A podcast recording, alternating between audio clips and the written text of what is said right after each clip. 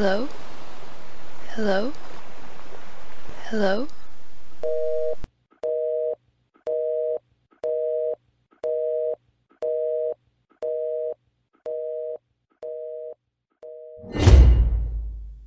Hai, selamat datang di podcast hiburan dan informasi pertama edisi Gabuskana.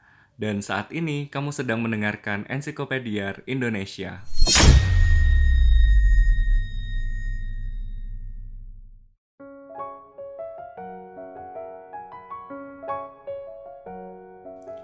Halo guys, selamat datang di Ensiklopedia Indonesia. Senang sekali bisa ketemu lagi untuk berbagi informasi menarik dengan kamu melalui podcast yang biasanya membicarakan tentang sesuatu yang baru, hiburan, dan kami hadir dengan sedikit informasi. Ensiklopedia Indonesia sendiri adalah podcast informatif yang akan mengulik tentang banyak hal yang selama ini bisa jadi kamu pikirkan.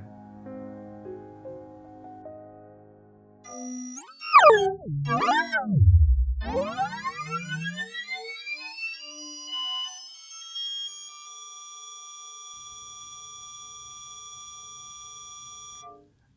kali ini aku mau bahas salah satu hewan peliharaan air tawar eksotis yang lagi ngetren. Ikan predator ini sedang banyak dicari, dipelihara, dan dikembangbiakan selama pandemi. Bahkan komunitas pecintanya sudah tersebar hampir di seluruh Indonesia.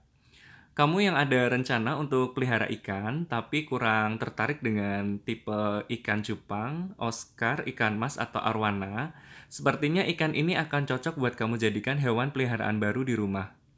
Ikan gabus kana.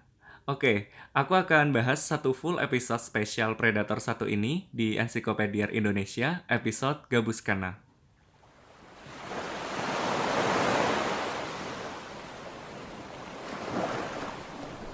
Beberapa waktu belakangan ini, memelihara ikan sebagai penghilang stres menjadi kegiatan yang sangat digemari selama pandemi, guys. Banyak jenis ikan hias yang menjadi pelarian, salah satunya jenis ikan hias predator gabus kana. Ikan gabus kana sendiri merupakan jenis ikan gabus yang istilah kanannya diambil dari nama ilmiahnya Canidae. Ikan ini bersifat teritorial yang menyerang sesama jenisnya kalau ada yang masuk ke area wilayahnya.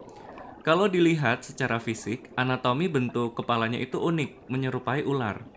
Makanya ada yang menyebutnya sebagai ikan snakehead emperor atau si raja kepala ular.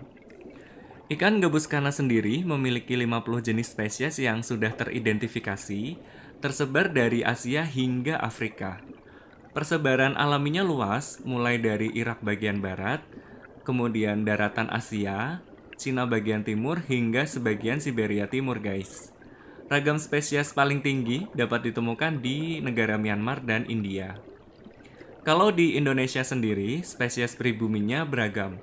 Mulai dari yellow sentarum, red sampit, kana asiatica, hingga strip merah. Penyebutan namanya pun bervariasi, tergantung dari daerahnya. Kalau kamu tinggal di daerah Sungai Kapuas, pasti kenal dengan ikan dolak. Atau kamu yang tinggal di Riau, pasti tahu kan ikan bocek? Nah, pada masyarakat Jawa, ikan ini dikenal dengan nama ikan kutuk. Ada juga yang menyebutnya dengan ikan gabus tomang. Di luar spesies pribumi, banyak juga spesies pendatang yang dihadirkan dari luar Indonesia, guys. Ini dimaksudkan untuk memenuhi permintaan pangsa pasar ikan hias Indonesia.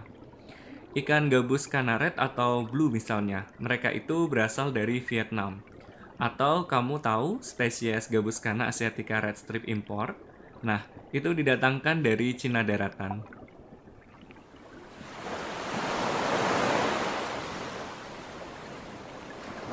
Umumnya, ikan gabus karena impor memiliki motif dan warna yang jauh lebih mencolok ketimbang ikan gabus karena lokal. Dari situ banyak peminat ikan gabus karena lokal mulai beralih ke ikan gabus karena import guys. Dan ini mempengaruhi harga jualnya di pangsa pasar ikan hias air tawar Indonesia. Untuk harga ikan gabus kana lokal misalnya, jenis yellow sentarum dengan ukuran 5-6 cm itu bisa dihargai sekitar 30-45 ribu per ekor. Sementara ikan gabus kana impor jenis pulcra ukuran yang sama 5-6 cm itu bisa dijual hingga Rp50.000 per ekor. Harga ikan gabus kana akan terus bertambah kalau dilihat dari ukurannya yang semakin besar dan memiliki penampilan fit serta mental yang berani. Harganya bisa mencapai puluhan juta rupiah, guys. Kalau kamu pengguna media sosial Twitter, pernah ada pembahasan tentang ikan gabus kana yang seharga motor sport. Guys, ini serius. Ikan gabus kana yang aku maksud itu adalah ikan gabus kana barka yang memang dibanderol dengan harga yang fantastis. Ikan gabus kanabarka dengan kategori Hikefin grade A, panjang badan 44 cm, ini sudah mencapai angka 55 juta rupiah. Dan kalau dihitung-hitung memang seharga motor sport sih ya. Gimana? Kamu siap memelihara ikan hias status sultan ini?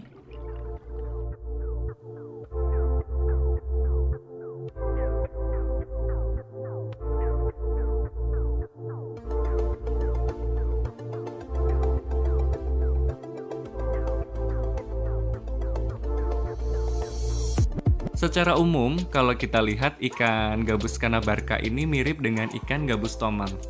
Ikan sultan ini siripnya memanjang di bagian atas dan bagian bawah, kemudian memiliki dua sirip di sisi kiri dan kanan.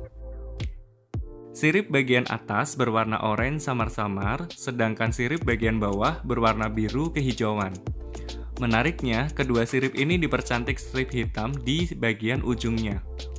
Motif dan warna badannya pun khas, eksotis dengan dominasi warna biru hijau, bercorak titik-titik hitam yang membentuk pola tertentu.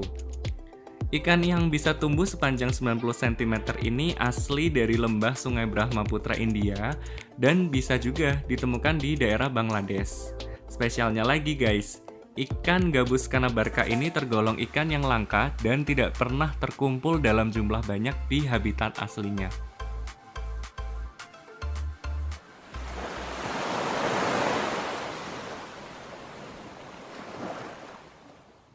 Oke guys, ini dia Ensiklopedia Indonesia episode Gabus Kana. Kalau kalian berminat untuk memeliharanya, ikan gabus kana merupakan pilihan yang tepat untuk mengisi akuarium kamu selain ikan mas. Pemeliharaannya mudah, kamu tidak perlu instalasi aerator oksigen yang terlalu ribet, karena ikan ini mampu hidup pada kondisi air yang minim oksigen. Penting untuk kamu siapkan juga penutup atas akuarium guys karena ikan gabus kana ini terkenal sebagai ikan yang bisa melarikan diri dengan melompati akuarium. Untuk pakannya, secara alami ikan gabus kana cenderung memangsa ikan dan serangga kecil. Tapi dalam kasus tertentu, mereka bisa beradaptasi dengan baik dengan memakan bangkai hewan di sekitarnya. Mudahnya, kamu bisa siapkan pakan cacing darah beku, cacing tanah, udang, atau potongan daging ikan, kerang, dan jangkrik.